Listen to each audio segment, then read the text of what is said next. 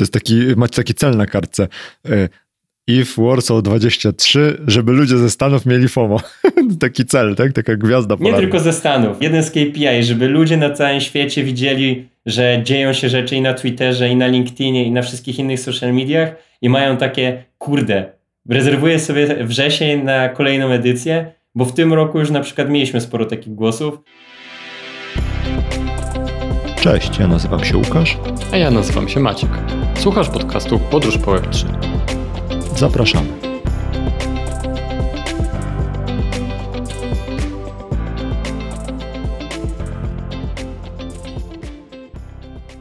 Cześć wszystkim. Witajcie w kolejnym odcinku podcastu Podróż po Web3. Naszym dzisiejszym gościem jest Marcin Kaźmierczak, związany z projektem Redstone, a także współorganizator e, eForso. Cześć Marcin, super, że do nas dołączyłeś. Cześć, dzięki wielkie za zaproszenie. Super. E, mieliśmy trochę problemów technicznych. Mam nadzieję, że już się wszystkie rozwiązały. E, więc przechodząc do pierwszego pytania dla takiej rozgrzewki, ale też, żeby nasi słuchacze mogli Cię poznać. Jak to się stało, że trafiłeś do Redstone'a? Oraz y, kolejne pytanie, jak to się stało, że y, współorganizujesz eForso? Fajne pytanie. E, mógłbym pewnie opowiedzieć z 20-30 minut całą historię. Natomiast e, skracając ją od 2017 końcówki, jestem zainteresowany technologią blockchain. Pisałem o niej moją pracę licencjacką jeszcze na studiach e, w Szkole Głównej Handlowej w Warszawie. Zawsze było mi do niej blisko. Mm, w 2020 i 2021 roku pracowałem w Google Cloud, natomiast śledziłem rynek e, DeFi, Web3, krypto i w pewnym momencie odezwał się do mnie mój stary znajomy Jakub Wojciechowski, który rozkręcał pod koniec 2020 roku projekt, który nazywał się Limestone i zapytał się, czy nie jestem w stanie mu pomóc na część etatu z kwestiami organizacyjnymi, business development, trochę marketingu. Wiadomo, wszystko to trzeba tak naprawdę we wczesnym etapie zrobić. Ja chętnie się tego podjąłem, bo wiem, że Jakub ma ogromne doświadczenie i też jest e, bardzo fajną osobą do współpracy. Tak, przez kolejne miesiące w 2021 roku po godzinach pomagałem Jakubowi. Projekt zaczął się rozrastać, zmieniliśmy nazwę z Limestone i branding na Redstone. I w październiku 2021 roku podjąłem decyzję, że e, rozwiązuję współpracę z Google Cloud, żeby od początku tego roku 2022 w pełni poświęcić się rozwojowi Redstone jako e, COO, czyli osoba odpowiedzialna za wszystkie rzeczy związane z operacjami, e, rozwojem biznesu, partnershipami, marketingiem. E, kawę też robię, chociaż biura nie mamy na stałe, ale w WeWorku jak przyjdę to je zrobię. A z samym eForso jeszcze w październiku 2021 roku spotkaliśmy się z paroma osobami z Polski w Lizbonie, na IF Lisbon, które okazało się, że pracują w globalnych projektach Web3 tak nam się spodobał ten event, że stwierdziliśmy, czemu czegoś takiego nie ma w Polsce, gdzie można pokazać fajnie, technicznie i też e, value projektów Web3 oraz DeFi. Zaczęliśmy pracę nad eForce'ą i tak 10 miesięcy później e, wspólnie świętowaliśmy samo wydarzenie już tutaj w Warszawie. Super. E, ja byłem na pierwszym eForce'ą tym takim meetupie, który był taką rozpędówką do tego dużego wydarzenia.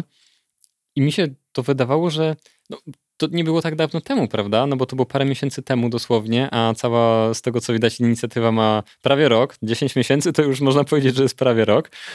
Y, jak to się tworzyło, jak to się budowało? Bo jakby wszyscy byliśmy na tym wydarzeniu, bardzo nam się podobało, zresztą nagraliśmy o tym niedawno odcinek o naszych przemyśleniach, dosłownie chyba nie, wczoraj go wrzucaliśmy i byliśmy ciekawi po prostu, jak takie wydarzenie się buduje dla społeczności. Wiesz, pracując w firmie, która jest blockchainowa i tych blockchainowych eventów jest bardzo dużo, tak? To jest bardzo żywe community yy, i open source'owe i żywe i to jest taka specjalna energia, prawda?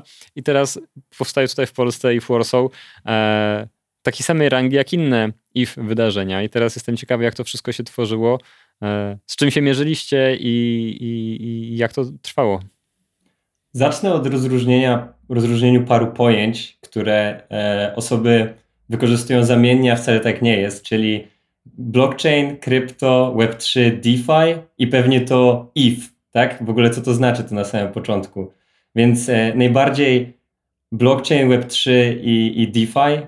E, w takim ogólnym znaczeniu Web3 to są projekty zbudowane, które wykorzystują gdzieś komunikację z blockchainem w mniejszym lub większym stopniu. Mogą być to zdecentralizowane projekty na różnym spektrum, mogą być bardziej scentralizowane, mieć tylko komunikację z blockchainem. DeFi to już jest odnoga tak naprawdę od tego Web3, która zajmuje się stricte finansami, tak?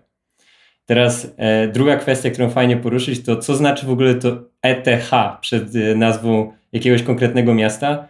Znaczy to historycznie, że były to eventy organizowane przez środowisko Ethereum, czyli często Ethereum Foundation, która jest e, organizacją non-profit, która może nie bezpośrednio organizowała ten event, natomiast dawała przyzwolenie na branding, a po drugie pomagała rozpocząć jakiś taki cykl. I tak jednym z pierwszych, które powstały, ale dobrze pamiętam, było EVE Berlin oraz EVECC, które rozwija się jako Community Conference, w ogóle mało osób o tym wie, e, które odbywa się w Paryżu. W tym roku chyba była już jakaś piąta albo szósta edycja. Tak więc, żeby rozpocząć w ogóle rozmowę o EVE Warsaw, musieliśmy zrozumieć, jak wyglądają te eventy za granicą. Sami uczestniczyliśmy w wielu z nich, czy właśnie wspomniane EVCC, EVE Berlin, ale również EVE Lisbon, EVE Denver, który też jest jednym z pierwszych, które powstało na całym świecie. I zaczęliśmy się interesować, jak ci organizatorzy właśnie rozpoczęli tego typu serię. Podpowiedzieli, żeby zebrać zespół początkowy, przygotować prostą prezentację i wyjść z tym do Ethereum Foundation. I to właśnie zrobiliśmy. Otrzymaliśmy e, pozytywne odpowiedź, żeby organizować taki event właśnie tutaj w stolicy Polskiej, w Warszawie, który miał być flagowym eventem też na rejon cały, e, Central Eastern Europe, bo tutaj w tym rejonie jednak nie ma Mm, takiej skali wydarzenia, które by było bardziej nastawione na część tą właśnie blockchainową, developmentu, wartości projektów, a niekoniecznie kryptowalut i e, w cudzysłowie czasem może trochę pompowaniu tokenów. Jak wiemy, niektóre tak e, mają trochę charakter. Więc e, jak dostaliśmy zielone światło, stwierdziliśmy, że do samego eventu chcemy zrobić serię meetupów, czyli ETH Warsaw Meetups, które, o których wspominałeś.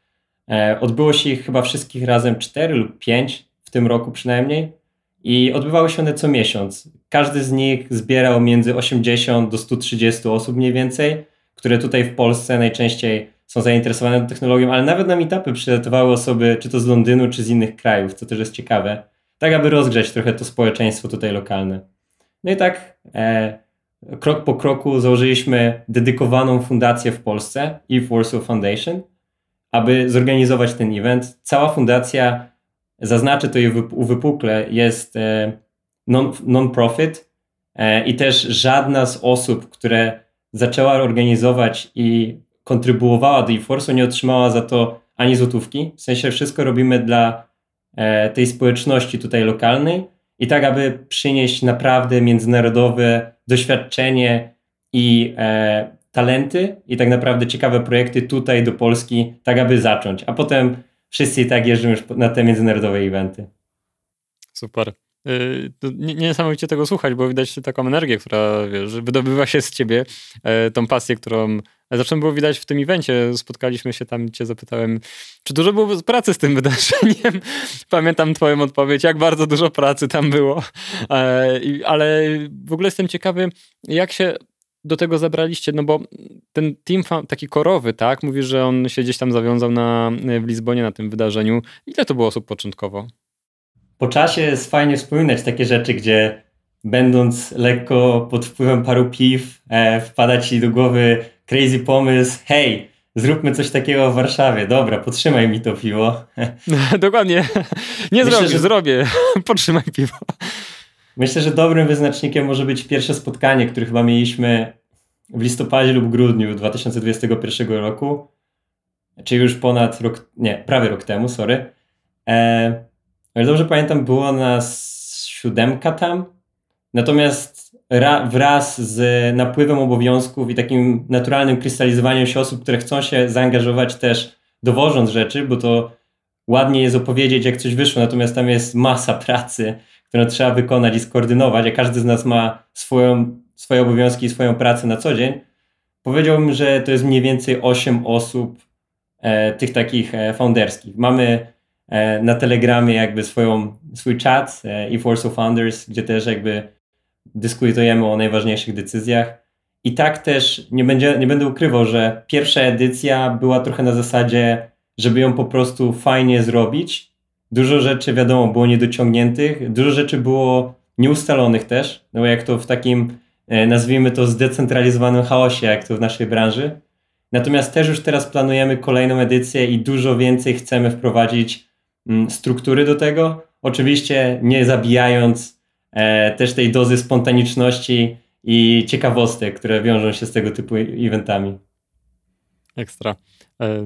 Mówisz, że było dużo rzeczy niedociągniętych, ale wiesz co, tak e, nie chcę słodzić wam za bardzo, ale no zrobiliśmy rozbiór na czynniki pierwsze i tam nie, nie doszukaliśmy się zbyt wielu. No dobra, jest, była ta impreza, na którą nie szedłem i, i tam parę osób jeszcze nie, nie, nie, nie weszło na Divinity, ale to poza tym, ale byłem na tym, wiesz, meetupowym linku i to ja nie kliknąłem w register, więc yy, wiesz, ja tam byłem, to ja nie kliknąłem, także ja nie mam do nikogo żadnych pretensji. Kupiliście Maćka y, tym groszkowym mlekiem do cappuccino. To Właśnie, jest... groszkowe mleko to jest hit po prostu. Yy, jestem zakochany w groszkowym mleku, nigdzie się go nie da dostać. Yy, dzisiaj je dostałem drugi raz powiedzmy gdzieś w kawiarni przejazdem, natomiast groszkowe mleko to taki eliksir, który skradł moje serce po prostu, także, ale nie będziemy wchodzić w to, co ja lubię pić.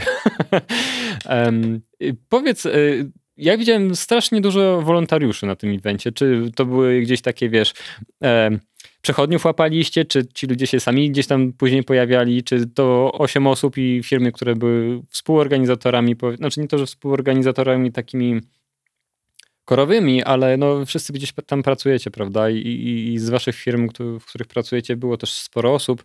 Jestem ciekawy, skąd się wzięli ci wolontariusze wszyscy. Wystawiliśmy znak, że mamy groszkowe mleczko i przyszli, ale... O nie, ale nie w Łodzi. Ja go nie widziałem.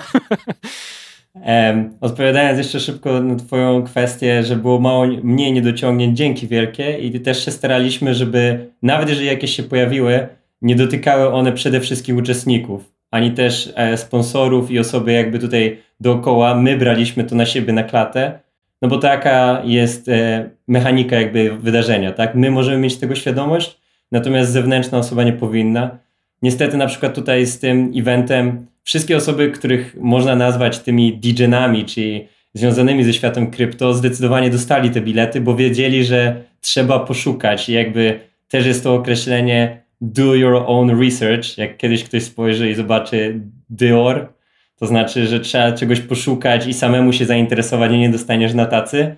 Natomiast e, celem eventu było też zachęcić te nowe osoby, więc one mogły też nie być tego świadome. Dlatego no, to są jakieś takie mniejsze rzeczy. Nie powiedziałbym, na szczęście żadna taka krytyczna rzecz ani ważna e, nie uległa jakby jakiejś zły, złej trakcji, tak? Jakby wszystko było tak to ok. Wracając do swojego pytania wolontariuszy, mm, napisaliśmy po naszym networku. Wiele osób okazuje się, że nawet jak nie pracuje w branży, to jest nią zainteresowana. I to był taki naturalny pierwszy krok, że hej, trzy dni, cztery pomogę, zobaczę tak naprawdę międzynarodowe projekty.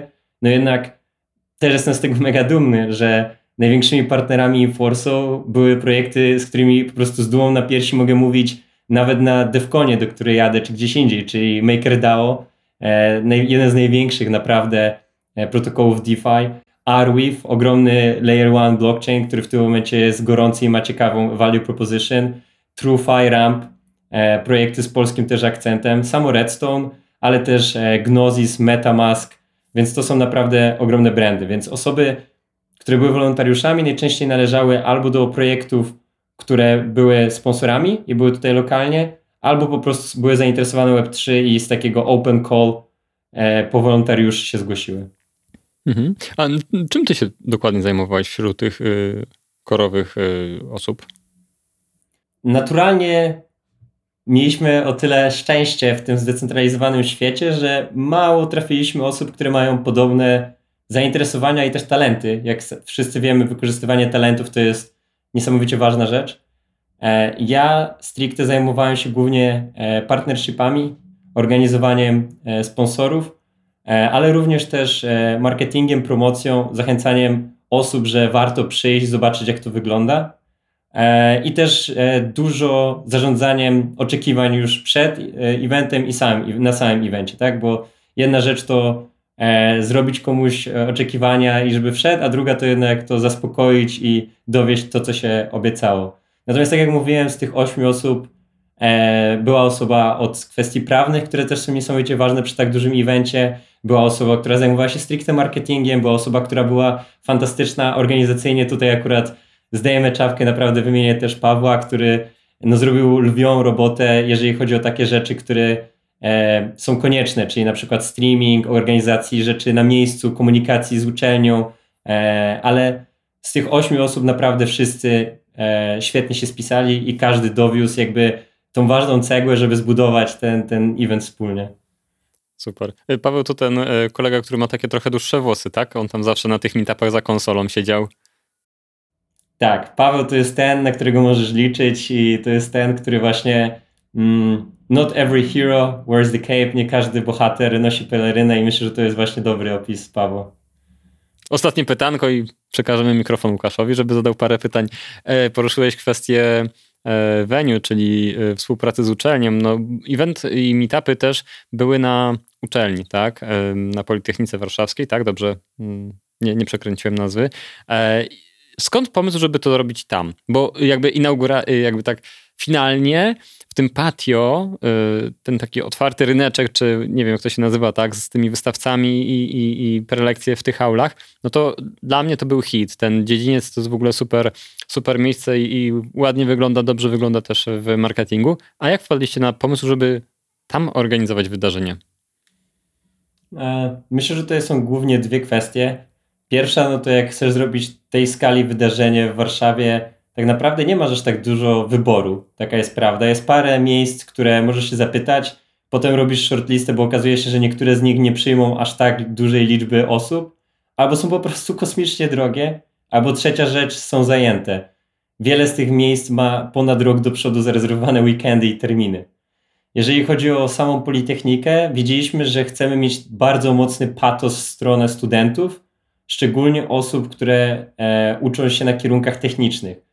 No i naturalnie Politechnika Warszawska, jeden z najlepszych uniwersytetów technicznych w Polsce, w rankingach najlepszy, e, było dla nas takim środowiskiem, które chcieliśmy eksplorować i czy uda nam się wejść jakby w szerszą współpracę z nimi.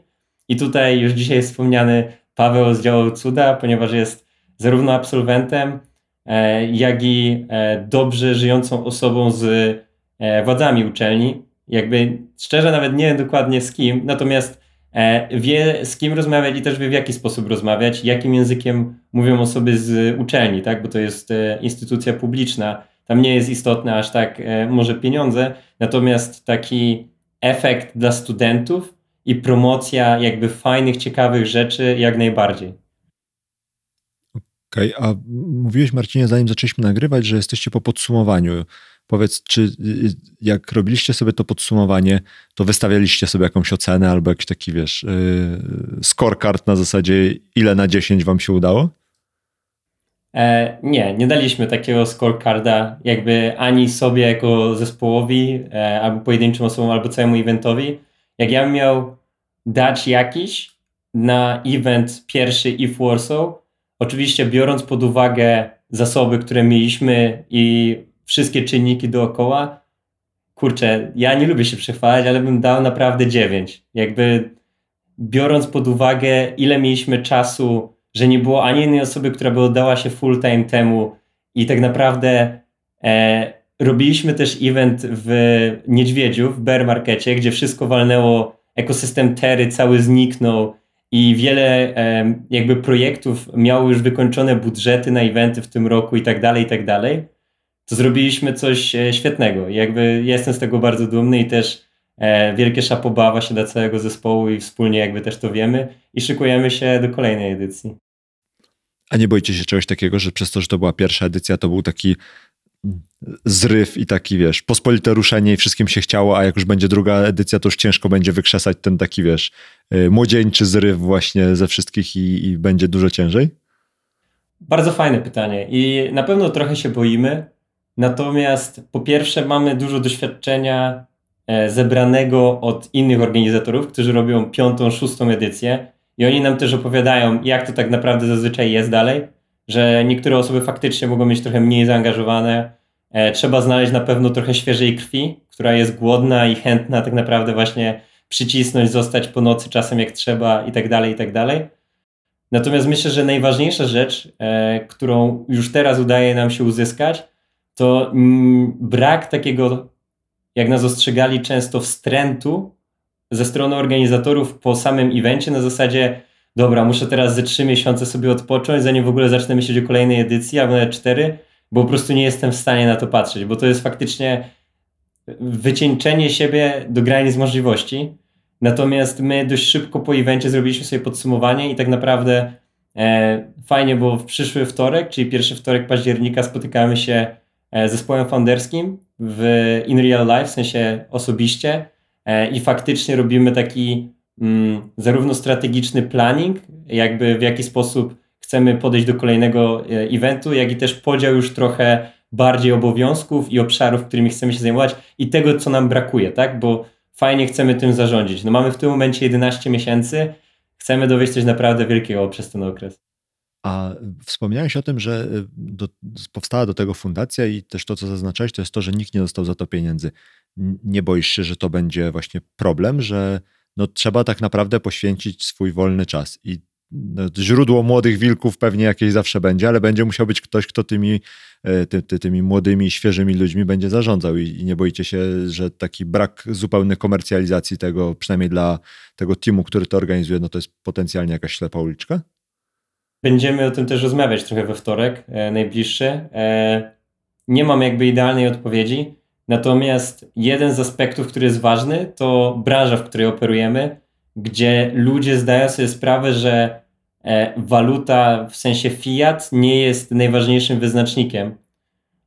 Ważna jest też, kogo poznajesz, ważna jest reputacja, ważne jest to, co tak naprawdę tworzy do tej całej społeczności, bo dając coś w tym momencie samemu i robiąc coś pro bono i za darmo, może się okazać, że za chwilę ktoś to zauważy i doceni, kto jest też ciekawą osobą i właśnie to otworzy ci jakieś drzwi lub e, po prostu sprawi, że będziesz osobą poważaną też, bo E, każdy z nas wie, że e, karma jednak trochę działa w życiu, szczególnie w jakimś zamkniętym ekosystemie.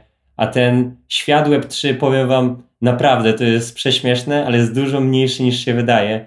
Bo Super mały. Tak, międzynarodowo też. W sensie spotyka się te same osoby e, co jakiś czas, tylko na przykład albo w innych rolach, albo w dodatkowych rolach, o których się nie miało pojęcia, albo w jakimś innym kontekście.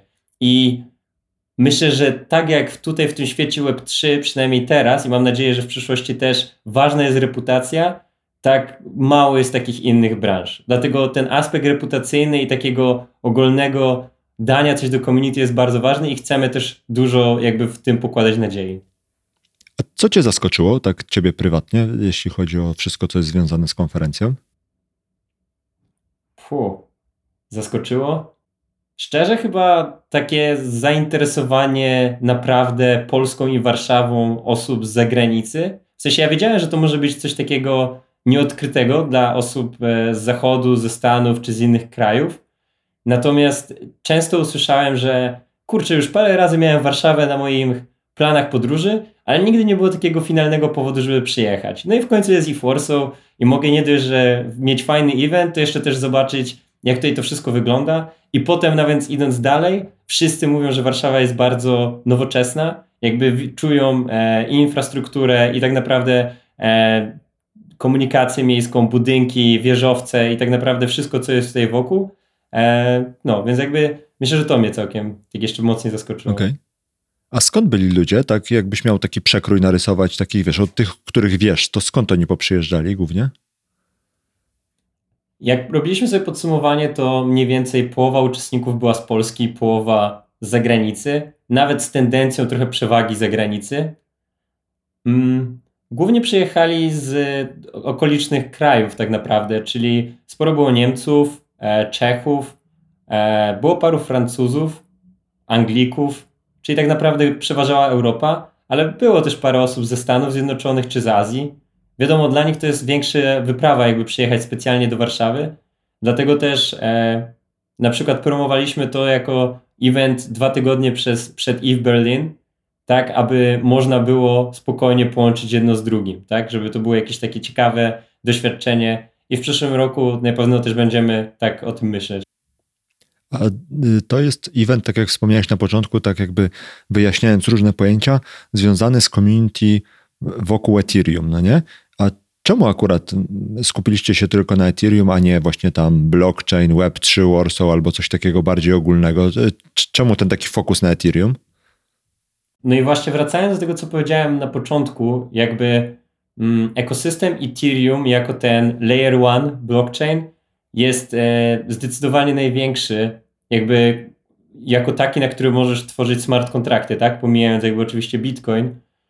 Um, I to jest miażdżąca przewaga w stosunku do innych, szczególnie biorąc pod uwagę L2, które są zbudowane na e, Ethereum, czyli na przykład Polygon, Arbitrum, Optimism. Stąd jakby tych eventów if jest pełno na świecie, a eventów związanych z innymi layer 1, jak na przykład Avalanche, to jest tylko Avalanche Summit, Celo jest Celo Connect i tak dalej, i tak dalej. Więc te eventy if historycznie przez lata miały okres i czas, żeby się budować. Natomiast tutaj tak naprawdę odpowiem trochę przecząco na twoje stwierdzenie, bo nie skupiliśmy się tylko na Ethereum, bo był też właśnie na przykład Arweave, który też jest layer 1 blockchainem, natomiast ma zupełnie inne e, value proposition, jakby ofertę dla deweloperów i klienta, gdzie oni skupiają się na e, zoptymalizowaniu kosztów przechowywania danych w zdecentralizowanej sieci, tak, w blockchainie ich e, rodzaju, ich architektury.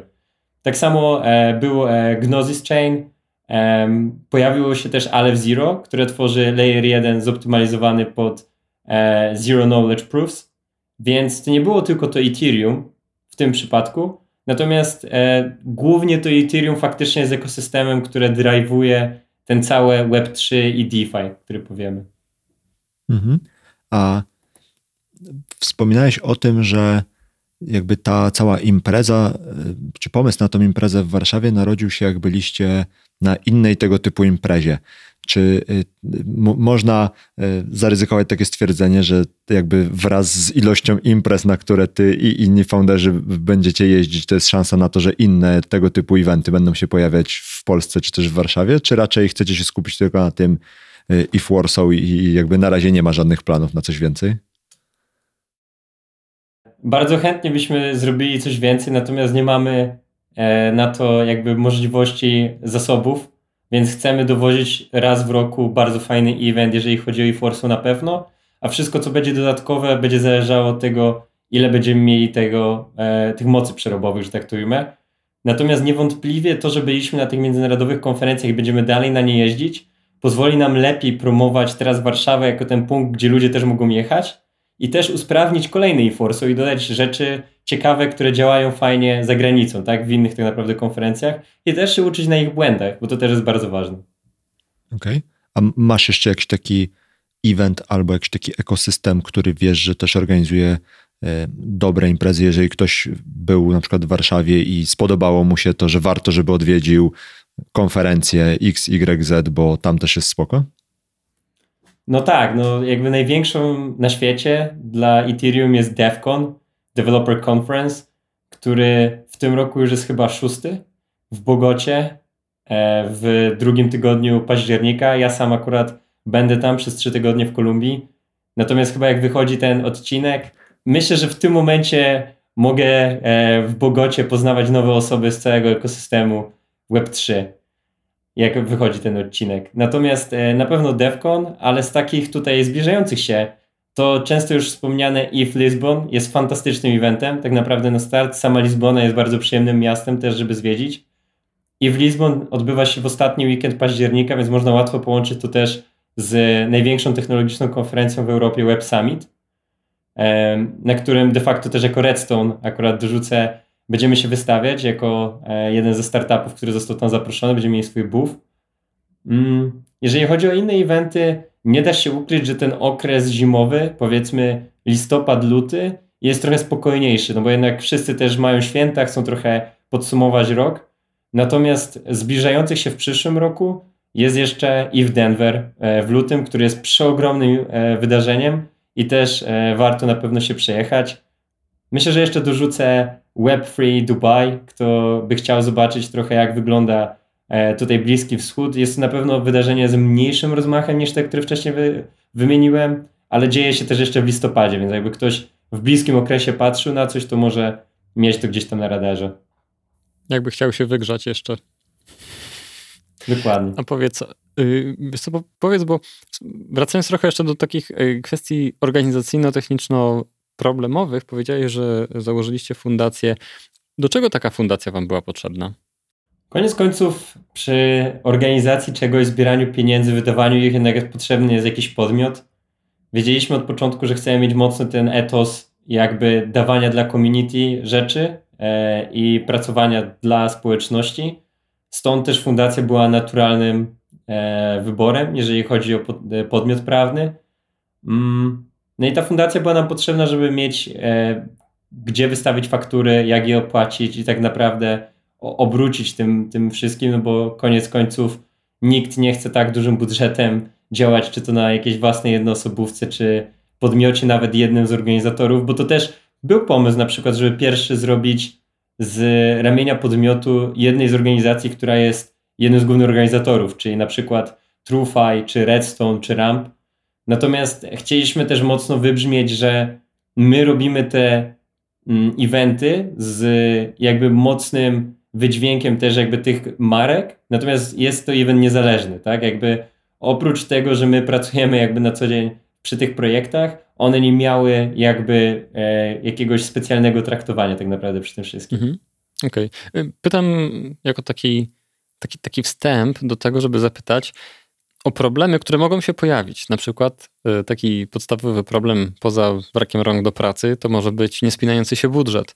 I teraz zastanawiam się, wiesz, bo tak z naszego y, gdzieś tam podwórka na pewno mamy każdy z nas jakiegoś bliższego lub dalszego znajomego, który brał udział w jakiś organi jako organizator, przynajmniej tutaj w IT taki jest, że jest trochę tych konferencji ludzie, ludzie jako organizują. No i właśnie zawsze jest taki problem, że może się pojawić taki szkopuł, że budżet się nie spina. I teraz zastanawiam się, na ile to mógł być dla was na przykład problem, że budżet się nie spiął. Co wtedy, nie? Na samym początku mieliśmy takie obawy, że możemy przez głównie niedźwiedzi rynek nie zebrać wystarczającej liczby partnerów. Natomiast prawda jest taka, że w Polsce mamy taki przywilej, że mamy e, dobre e, cost to value, jakby stosunek. Otrzymujemy często wpłaty od e, zagranicznych podmiotów w dolarach, gdzie w ogóle teraz historycznie dolar jest najwyżej kiedykolwiek w stosunku do złotówki ponad 5 był moment. Więc na szczęście, jeżeli chodzi o sam budżet, nie mieliśmy z tym e, problemu, koniec końców, z tego względu, że złapaliśmy bardzo fajnych partnerów, którzy też są zadowoleni z tego eventu i w przyszłym roku deklarują się, że chcieliby ponownie wziąć też udział i, i być częścią tego wszystkiego. Więc oczywiście bierzemy pod uwagę, że może być ciężej z budżetem, wtedy będziemy musieli pójść na jakieś kompromisy, jeżeli chodzi o organizację.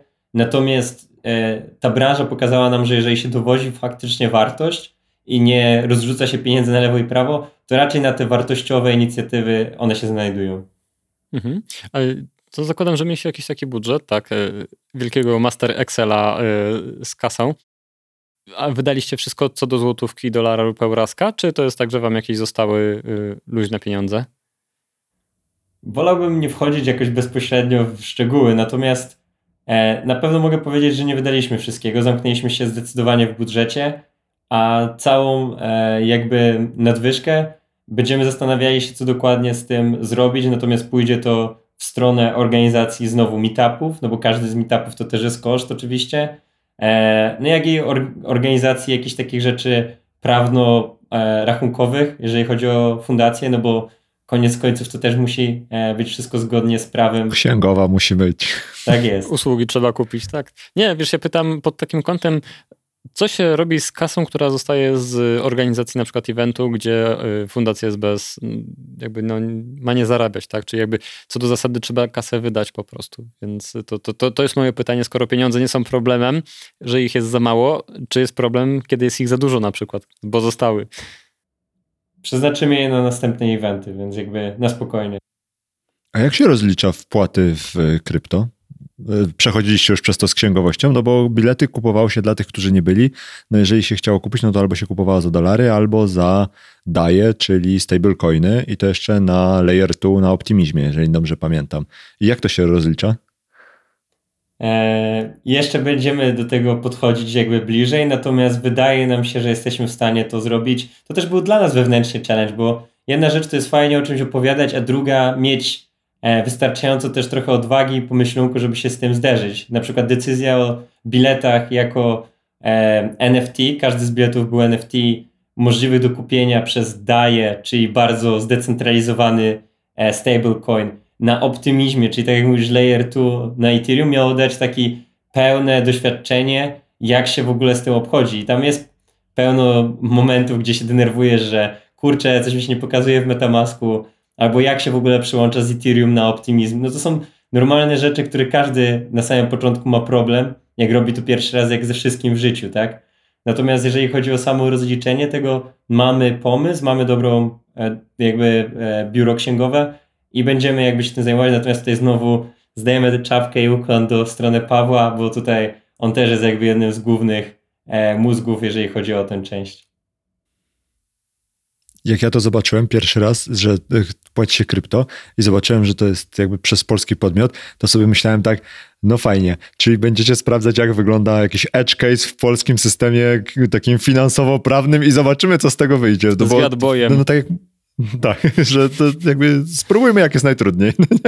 No generalnie ktoś musi zrobić najpierw najtrudniej. Jakby ja lubię takie powiedzenie, nie wiem czy słyszeliście, jak rozpoznaje się liderów i pionierów po strzale w plecach, bo idą pierwsi, a inni mogą tam ewentualnie im powiedzieć, co robią źle. Natomiast ktoś musi się pierwszy podjąć i myślę, że to jest właśnie jedno też ze e, podstawowych zadań samej organizacji i Forso, żeby też być takim e, głosem rozsądku i prowodyrem zmian w takim obszarze, żeby za na przykład dwa lata to nie było nic takiego nieprawdopodobnego, że jest bilet, kupujesz jako NFT i właśnie za jakieś daje, tak? Żeby to było raczej na zasadzie, a to jest ta opcja, ona jest trochę bardziej skomplikowana, ale wiemy jak tutaj postępować, a nie na zasadzie, że to jest edge case, którego nikt nie chce się podjąć. Bo ja, ja, będę cały czas drążył, jak zorganizować taką konferencję dla osób, który, którzy, które chciałyby ewentualnie zrobić niekoniecznie może coś podobnego, ale po prostu to, dla mnie to jest super inicjatywa, gdzie wolontariusze robią coś dla siebie, no dla siebie, dla sławy, dla, dla community.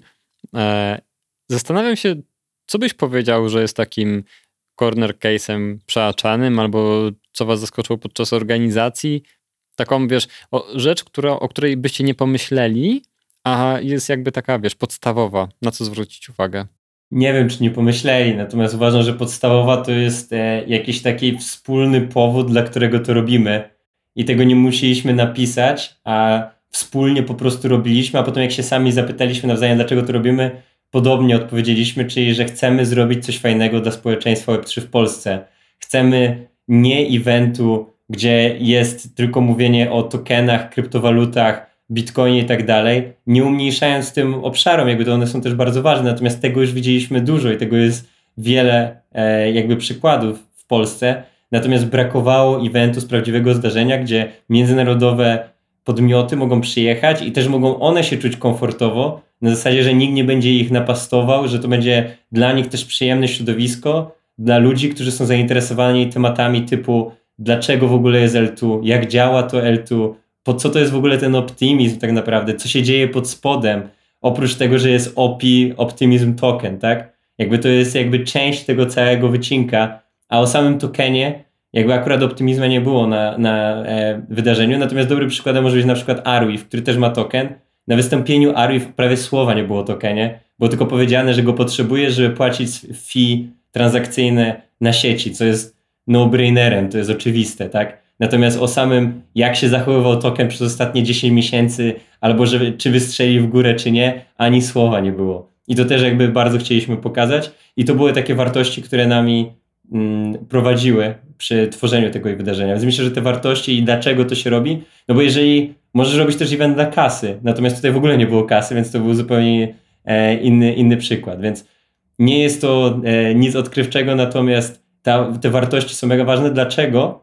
bo one pozwalają o pierwszej w nocy odpisywać na maile sponsorów, pozwalają zebrać się o piątej na hackathon, jak trzeba, żeby ogarnąć coś, bo jest jakiś e, przysłowiowy up i tak dalej, i tak dalej. Pozwala naginać siebie do granic możliwości, bo wiecie, że robicie coś na naprawdę jakiejś fajnej idei. Super. A ile odsypiałeś event? Chyba 6 godzin, bo po evencie było trzeba już coś kolejnego robić, a z pracy wszystkie rzeczy oczywiście były zrzucane na poniedziałek po eForce'u, ten magiczny. Jak przyszedł ten magiczny poniedziałek po eForce'u, to czekałem tylko do wtorku. a potem do kolejnego wtorku. Ja odsypiałem, ja słuchaj, ja byłem y, dwa dni, nie byłem na hackatonie, ja odsypiałem cały weekend i jeszcze trochę byłem zmęczony we wtorek i gadaliśmy o tym z Łukaszem. Nie wiem, jak wy generalnie funkcjonowaliście, bo to przecież cała machina jeszcze wcześniej do rozkręcenia. A jakbyś miał y, sobie tak wyobrazić, jak wygląda If Warsaw 2023 w twoich marzeniach, to czym się różni od tego 2022? Przede wszystkim jest lepiej jeszcze skoordynowane, ma większy zasięg lokalnie w rozumieniu zarówno Warszawy, jak i Polski, jak i całego tutaj obszaru Central Eastern Europe, bo dostaliśmy dużo sygnałów chwilę przed, podczas i po wydarzeniu od jakichś podmiotów, na przykład z Chorwacji, Węgier, Słowacji, krajów tutaj tak naprawdę niedaleko, które mogą dość prosto do nas przyjechać, przylecieć, że kurczę, nie słyszeli o tym, że chętnie by sobie to zaplanowali, ale tak naprawdę nie było tej informacji i faktycznie za późno zaczęliśmy jakby dawać te informacje, bo też nam trochę brakowało czasu. Jakby znowu wychodzi to, że mamy ograniczone zasoby. Natomiast taka idealna rzecz na przyszły rok to jest bardzo ambitna, natomiast mamy to z tyłu głowy, żeby zrobić event naprawdę blisko albo w ogóle na równi i w CC, czy właśnie i w Berlin, tym najlepszym, tym najbardziej rozpoznawalnym eventom i połączyć to może nawet w Warsaw Blockchain Week, czyli prawdziwy tydzień, gdzie jest parę dni tematycznych, czy to związanych z Zero Knowledge Proofs, czy to związanych z security, w tym roku mieliśmy pełno film security, czy to związanych tak naprawdę stricte na przykład z DeFi'em albo jakimiś innymi obszarami. Tego jest naprawdę dużo, a ludzie mają e, świetną opinię po pierwszym i Forsą i chcemy to też e, jakby utrzymać. Więc najpierw się zastanowimy, co jesteśmy w stanie dowieść, żeby nie obniżyć jakby standardu, a nawet jeszcze go polepszyć i potem będziemy starali się jak najbardziej znowu dokręcić tę śrubę i zrobić coś ogromnego, tak żeby ludzie ze Stanów mieli FOMO, jak budzą się rano i widzą, i są w pracy o 12, a widzą, że my się bawimy na Divinity czy na jakiejś innej imprezie, tak? To jest taki, macie taki cel na kartce. If Warsaw 23, żeby ludzie ze Stanów mieli FOMO. Taki cel, tak? Taka gwiazda polarna. Nie KPI. tylko ze Stanów. Tak, jeden z KPI, żeby ludzie na całym świecie widzieli, że dzieją się rzeczy i na Twitterze, i na LinkedInie, i na wszystkich innych social mediach i mają takie, kurde, rezerwuję sobie wrzesień na kolejną edycję, bo w tym roku już na przykład mieliśmy sporo takich głosów i myślę, że dobrym przykładem jest na przykład Twitter, gdzie rozpoczynając na początku roku właśnie z Eve Warsaw, nie pamiętam dokładnie, może 1200 było followersów, może nawet mniej. W tym momencie jest to chyba 5700, czyli no to są rzędy wielkości jakby więcej. A jak się łączy pracę w firmie, w organizacji, która jest no powiedzmy szybko rosnącym startupem, e, z organizacją konferencji no, która, no tak jak powiedziałeś, no, wycinać na pewno cztery dni samego trwania, plus y, poniedziałek po konferencji i pewnie jeszcze parę dni wcześniej. Jak to się robi? Myślę, że najważniejsze jest zrozumieć, gdzie można e, upie- piec dwie pieczenie na jednym ogniu, tak? W sensie jednak if, if Warsaw jest to event Web3, Redstone tworzy produkty w branży Web3 i DeFi, więc jest to naturalne środowisko jakby dla firmy Oczywiście przygotowałem też zespół wewnętrznie, jak i Kubę, założyciela, że podczas eForce'u do takich tematów redstone'owych i przed samym eForce'u będę mniej dostępny i sobie to spokojnie zaplanowaliśmy. To też nie było tak, że ja tydzień przed wyskoczyłem, że mnie nie ma. To była rzecz, którą można było spokojnie zaplanować. Więc znajdowanie obszarów, gdzie jest ta synergia, bo też podczas samego eForce'u mieliśmy świetne spotkania jako Redstone. Ja na moment mówiłem, że chwilę, chwilę, mój zespole eForce'u, ja na chwilę zakładam czapkę Redstone, idę się spotkać z założycielem i CEO ZK Sync na przykład, e, bardzo fajne spotkanie i e, rozmawialiśmy o współpracy, czy idę się spotkać z jakimś innym e, założycielem e, startupu, też na przykład rozmawialiśmy z Gelato, bardzo fajny projekt, który też się tam wystawiał, więc tak naprawdę szukanie tych synergii i dobre planowanie z wyprzedzeniem i przygotowanie też zespołu, że w jakimś okresie można się być jednak, e, może być się jednak mniej dostępnym i może się być chodzącym zombie, gdzie do teraz nie zapomnę niektórych e, momentów, jak e, zespół do mnie mówi przed albo podczas i forsą, ej Marcin, ty słuchasz? A ja, e? Okej. Okay. A jaki, czy, czy jakby patrzyliście, jak duży wpływ taki pozytywny ma jakby partycypacja taka gruba w takim evencie dla Redstone'a? Czy to raczej jest taki wizerunkowy element i no, trzeba tam po prostu być, czy, czy faktycznie się przekłada jakoś na biznes czy na rozwój projektu? Na pewno przekłada się na rozwój projektu, jednak ma się międzynarodowy e, wizerunek, dzięki temu też, jakby tutaj e, organizując taki lokalny event, no nie da się ukryć, że ma się informacje z pierwszej ręki też, czy to kiedy będą jakieś e, side eventy, kiedy będą ciekawe speeche, kto faktycznie przyjedzie, czyli tak naprawdę nie patrzy się na to, co się dzieje na social mediach czy na komunikacji zewnętrznej, tylko ma się z wewnątrz informacji, to też jest bardzo przydatne. Myślę, że też super jest mieć mm, taką łatkę, jakby e, nazwijmy to e, badge, odznakę, że jesteś jednym z projektów, który stworzył wydarzenie IF w jakimś kraju, tak? Jakby Redstone nie może powiedzieć, że gdyby nie Redstone nie byłoby eForce'ą, natomiast Redstone może powiedzieć, byliśmy jednym z pierwszych sponsorów, który się zadeklarował i dzięki temu, że się wcześniej zadeklarowaliśmy, gdzie jeszcze było pełno niewiadomych, zespół miał możliwość tak naprawdę stworzyć tego pierwszego pitch decka, już wystawić jakieś fajne, sprawdzone marki i budżet, żeby to wszystko rozpocząć. I tak samo to może powiedzieć TrueFi, tak samo może powiedzieć to Ramp, tak samo może powiedzieć to Maker. To są te organizacje, e, tak samo może to powiedzieć Golem, to są te organizacje, które jakby wśród naszego zespołu są reprezentanci i zostały e, przekonane, że faktycznie dowieziemy coś mega fajnego. Więc zdecydowanie dla tych marek też jest dobre visibility przy całym evencie. Okej. Okay. A mówiłeś, że teraz jedziesz na DEFCON do Bogoty. Y, jak ktoś tego słucha, to już pewnie y, albo tam jesteś, albo się y, właśnie pakujesz do samolotu. E, a powiedz, czy to w jakiś sposób usprawnia, czy ułatwia takie aktywne uczestniczenie w takim evencie potem, że mówisz dzień dobry, ja jestem Marcin, jestem z Redstone'a, ale też jestem współorganizatorem i Warsaw, więc y, tam drogi człowieku X, y, porozmawiaj proszę ze mną. Mówi, a no spoko, to bardzo chętnie. E, bingo. Jedna z fajniejszych rzeczy, którą tak naprawdę teraz e, mogę też się chwalić tak naprawdę za granicą, e, czyli jakby dowiezienie naprawdę fajnego wydarzenia dla Web3 w Polsce. Jest to ogromna wartość dla mnie bo ja jednak jak zajmuję się partnershipami business developmentem, nawet jak z jakąś organizacją jako Redstone nie mam bezpośrednio jakiegoś przecięcia, to zawsze mogę powiedzieć o eForce'u, zachęcić, powiedzieć, że to jest naprawdę ciekawe miejsce, że to community tutaj się buduje, jest jeszcze dużo, dużo pola do rozwoju tak naprawdę dalej, więc jest to trochę taki do, door opener. Tak samo z, z super ludzi poznałem, czy to nawet samego Awe, miałem okazję e, z Taniego, e, założyciela Awe, przywieźć z lotniska w sobotę podczas Iworsą, odwieźć, pogadać z nim trochę personalnie. To też jest bardzo jednak ważne. Już dostałem bilety na Rawę, czyli na imprezę e, techno od e, Awe, którą organizuję na różnych eventach. I też mały sneak peek na przyszłe i Forsą jeszcze nie jest w 100% potwierdzone, natomiast najprawdopodobniej będzie Rawę też w Warszawie podczas następnego e Force'u, co też jest bardzo fajnym osiągnięciem. Dogadaliście Więc... to w drodze do samolotu, tak? A wiesz, że na to pytanie mogę odpowiedzieć tak, jak najbardziej? Okej. Okay.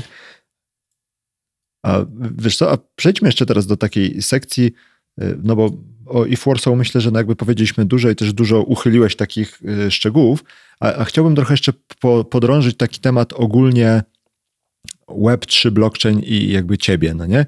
Y, powiedz, jak ty się zapatrujesz na na wszystko, co związane z tym, tym światem Web3. Czy to jest bardziej technologia, czy to jest bardziej y, jakby jakiś taki element finansowo wywracający ten system finansowy, może bardziej w tą stronę? Czy to jest bardziej jakaś kwestia filozoficzna? Jak ty patrzysz na ten ekosystem? W sensie, co cię do niego tak skusiło i jak y, dojrzewasz y, jako osoba i jako człowiek w samym tym community, to, to jakby co jest dla ciebie tutaj takie najważniejsze albo najbardziej kuszące?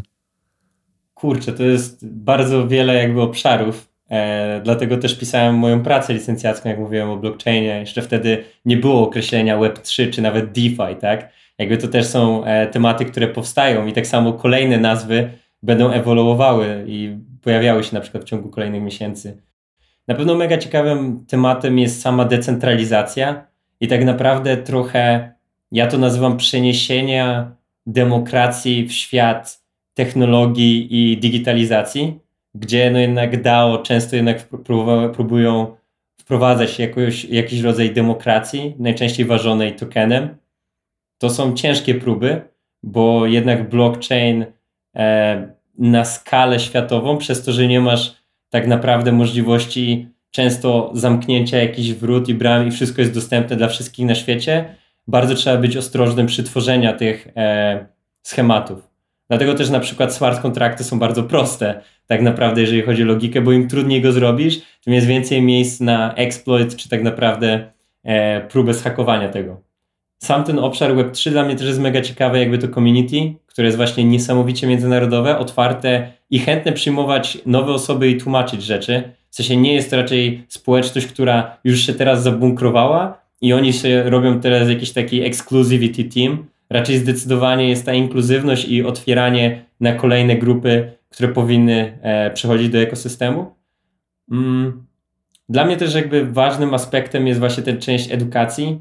Sam e, dużo się uczę, jakby cały czas staram się czytać jakby trendy, nowe artykuły, rozumieć nowe koncepty, bo jednak nikt z nas nie miał studiów Web3, czy jakiegoś, nie wiem, kursu od deski do deski Web3 i każdy z nas ma inne śmieszne braki w ogóle w tym całym świecie, e, gdzie ja na przykład, no nie wiem, nie mam aż takiego super doświadczenia z hard walletami na przykład. Mam jakieś tam oczywiście z Ledgerem, natomiast nie jestem jakimś ekspertem w tym, tym obszarze, nie jestem wielu w stanie wymienić, czy nawet jakimiś e, software walletami. Metamask jest standardem, no ale jest pełno innych.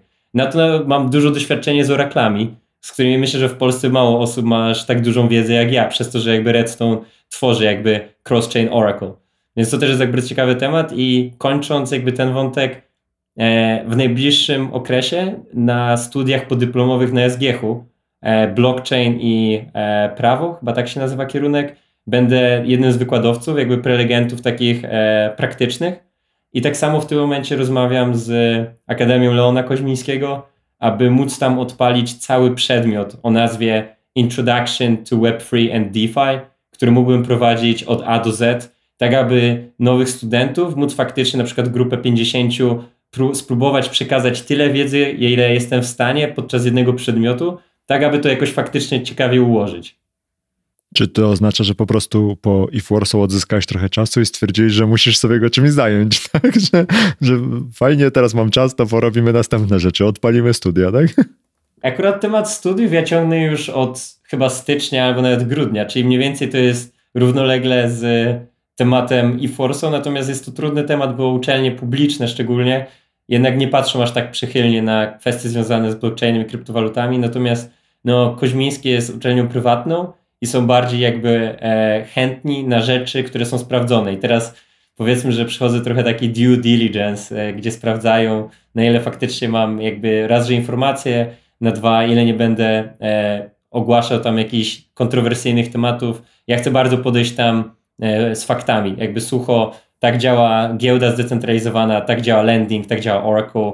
Jakby opinie wyrabiajcie sobie sami i też pokazać, gdzie szukać tak naprawdę dalej. Myślę, że to jest jakby klucz w tym świecie, przynajmniej na tym etapie, gdzie jeszcze nie masz tak wydeptanych ścieżek.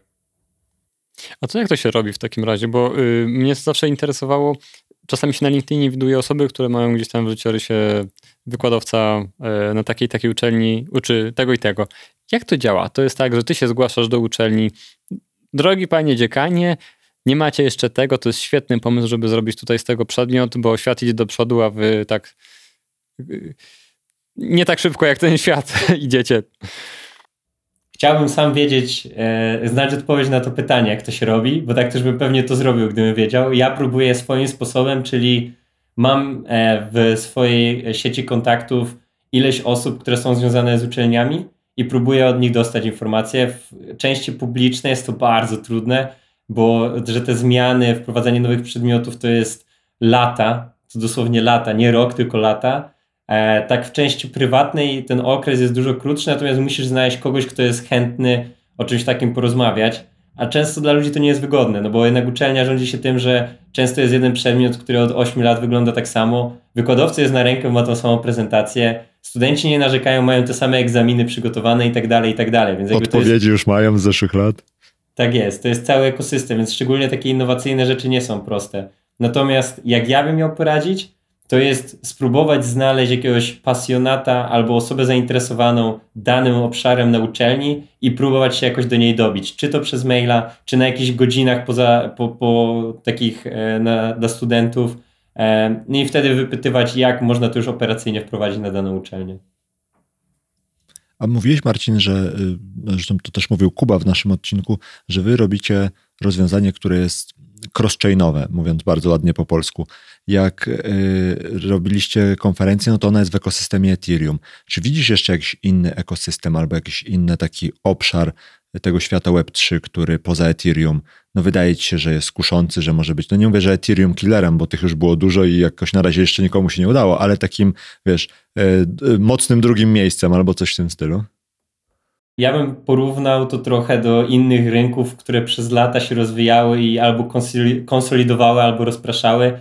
Nie wiem, taki pierwszy, który przychodzi mi do głowy, no to jest na przykład marki telefonów, gdzie no kiedyś była jakaś Nokia, teraz są Samsungi, iPhony bardzo popularne, jest jakieś Xiaomi i tak dalej, czyli to wszystko ewoluuje i zmienia się e, liczba użytkowników, a też rodzaj, ich demografia. Tak samo z blockchainami. No Ethereum to jest ten pierwszy taki naprawdę utwierdzony ekosystem. Uważam, że fajnie się rozwija Avalanche, ale to jest moja subiektywna opinia.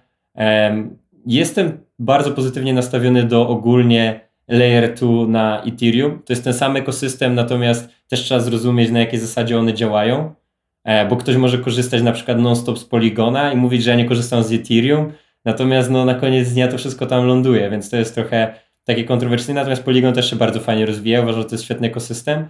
I szukałbym właśnie value proposition i tych takich e, innych podejść, jak właśnie ma Arweave na przykład, które no jednak mówi nie jakby transaction throughput, czy nie wiem, jak szybko są te transakcje, tylko stricte optymalizacja zapisywania danych.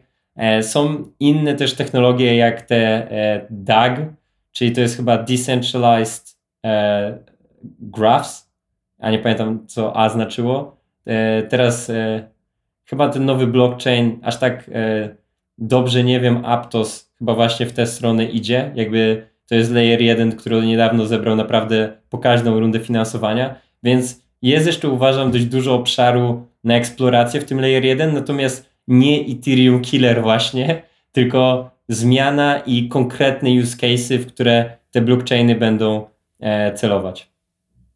Okej. Okay. A jakbyś miał zajrzeć w taką, e, ja, ja to mówię, w szklaną kulę i powiedzieć nam, co będzie za dwa lata w ekosystemie Web3 blockchaina, to jak myślisz, które trendy za te dwa lata gdzieś się uwydatnią albo które zginą? Co, co tam widzisz w tej szklanej kuli? Hmm. Myślę, że DeFi będzie miało jeszcze większą odwilż, bo było DeFi Summer w 2020 roku i w tym momencie aż tak dużo się nie dzieje, bym powiedział, bo ludzie budują bo jednak protokoły DeFi są strasznie trudne do wypuszczenia na skalę. Jakby do momentu, aż Uniswap wy wyszedł i tak naprawdę zaczął zbierać e, jakby owoce swojej pracy, było pełno innych zdecentralizowanych giełd wcześniej, podobnie z lendingiem i Aave i tak dalej.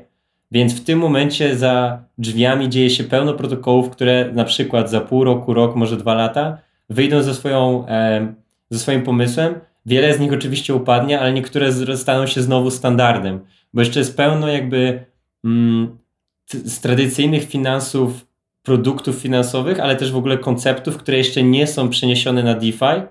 A drugi obszar to jest to, co TradFi, czyli Traditional Finance nie mogło w ogóle stworzyć, a DeFi pozwoli otworzyć, bo jest zupełnie inna jakby architektura i pryncypia pod tym leżące. Więc to są jakby bardzo ciekawe tematy moim zdaniem. I druga rzecz to będzie to właśnie cross-chain interoperability, bo jednak ja wierzę w cross-chainowy świat, w sensie nie, że to będzie tylko Ethereum i Bitcoin, tylko będą te inne ekosystemy, tylko one będą miały właśnie bardziej specyficzne use cases, czyli może na przykład, nie wiem, identity, gaming i tak dalej, i tak dalej. I w jaki sposób te ekosystemy będą między sobą komunikować się. I teraz można dać trochę takiej analogii do systemów bankowych historycznie, że jednak zawsze one powstawały geograficznie, czyli są banki francuskie, amerykańskie, e, angielskie, polskie i tak dalej, i tak dalej. I one w tym momencie jakoś się komunikują. No jest SWIFT, jest SEPA, są to jakieś standardy, które zostały wypracowane przez lata. Natomiast historycznie, na początku elektronicznie, aż tak dobrze to wszystko nie działało i to wyszło jednak raz z rozwojem. Okej. Okay. Powiedz jeszcze proszę, jakby ktoś chciał, no myślę, że chyba naj, najbezpieczniej będzie zadać to pytanie, jeżeli ktoś chciałby się w jakiś sposób włączyć w community, które organizuje jakieś wydarzenia tutaj na lokalnym rynku, e, albo jeżeli poszukujesz też jakiś w innym miejscu gdzieś jakiegoś wsparcia albo czegoś, to, to, to powiedz proszę, gdzie i jak szukać i, i kogo szukacie. Jasne, no to my jako Redstone e, dość niedawno zamknęliśmy rundę finansowania. E, było to 7 milionów dolarów od międzynarodowych funduszy. Prowadził inwestycje fundusz Lemniscap, który też jest znany tutaj w tym ekosystemie Web3. Z tego też względu rozwijamy jakby zespół. Mamy na stałe na ten moment 8 osób. Jest e, końcówka września, jak nagrywamy ten odcinek. E, za parę dni dochodzą 3 nowe osoby, więc będzie nas już 11 a no do końca roku mamy plan jeszcze troszkę urosnąć i tak samo na początku przyszłego roku również rozwinąć ten zespół. Więc jeżeli ktoś byłby chętny e, po działaniu, podziałać w startupie, który tworzy infrastrukturę Web3, jakby tworzymy dwa produkty, jeden to jest Cross-Chain Oracles, a drugi to są smart kontrakty na tej sieci Arweave, to zapraszam jakby na redstone.finance i tam jest sekcja Careers i Team, żeby zobaczyć. A Wrzucimy chodzi... link, tak. Tak, zapraszam. A jeżeli chodzi o samą Inforso, e, w najbliższym czasie będziemy znowu robili call for e, volunteers i osoby, które chcą się zaangażować, albo na samym evencie jako osoba do pomocy, albo wcześniej jako właśnie te nowy nabytek świeżej krwi, osoby głodne, chętne, chcące też wejść jakby w taki międzynarodowy ekosystem, bo tak to nie masz tak dużo okazji, jak właśnie przy takim Inforso. Okej, okay, ale to szukać tego na Twitterze najlepiej, czy jakoś bezpośrednio na waszych kanałach, gdzie takie osoby, które gdzieś z, zacierają ręce, żeby się zaangażować w to community, to gdzie powinny, powinniśmy je skierować? Tak, głównie jakby nasz Twitter, czyli e, If Warsaw na Twitterze e, oraz nasza strona internetowa, która będzie aktualizowana, więc jak ktoś zrobi sobie dzwoneczek na Warsaw, to nie przegapi jakby call for participants albo też do naszej grupy na Telegramie. Jakby na naszej stronie internetowej Warsaw też można e, znaleźć jakby nasz Telegram i tam będziemy informowali o najważniejszych rzeczach. Okej, okay, dobra. To wszystkie linki do tych miejsc postaram się wrzucić do opisu odcinka, żeby było jak najłatwiej to znaleźć. I co, Marcinie, dzięki śliczne za to, że podzieliłeś się tutaj tymi kulisami powstawania e, te, te, tego eventu, e, który miał miejsce we wrześniu. I co, do zobaczenia, do usłyszenia gdzieś albo na jednym z meetupów, albo eventów, albo gdzieś online. Dzięki śliczne. Dzięki śliczne, e, jeszcze raz za zaproszenie. No i co, może taka luźna propozycja, na przykład następny odcinek trochę przed e żeby zrobić teaser tak naprawdę już kolejnego wydarzenia, ale to już zostaje. Z przyjemnością. Jasne. To dogadamy. Mamy jeszcze chwilę a, czasu. A jeszcze potem, y, jeszcze zrobimy potem jakiegoś może live'ika z wydarzenia na miejscu. Ale to ty to musisz Maćku ogarnąć, bo ja tego technologicznie już nie, nie pociągnę. Poprosimy Pawła o korepetycję wcześniej. Właśnie. No, dobra, Super. jeszcze raz dzięki, dzięki wielkie. Dzięki za wysłuchanie kolejnego odcinka podcastu Podróż po Web3. Żeby nie przegapić kolejnych odcinków, pamiętaj, żeby zasubskrybować ten podcast w swojej aplikacji do podcastów. Wejdź również na www.ppw3.pl i zapisz się do newslettera. Otrzymasz dzięki temu powiadomienie o każdym nowym odcinku oraz dodatkowe materiały. Dzięki i do usłyszenia. Cześć.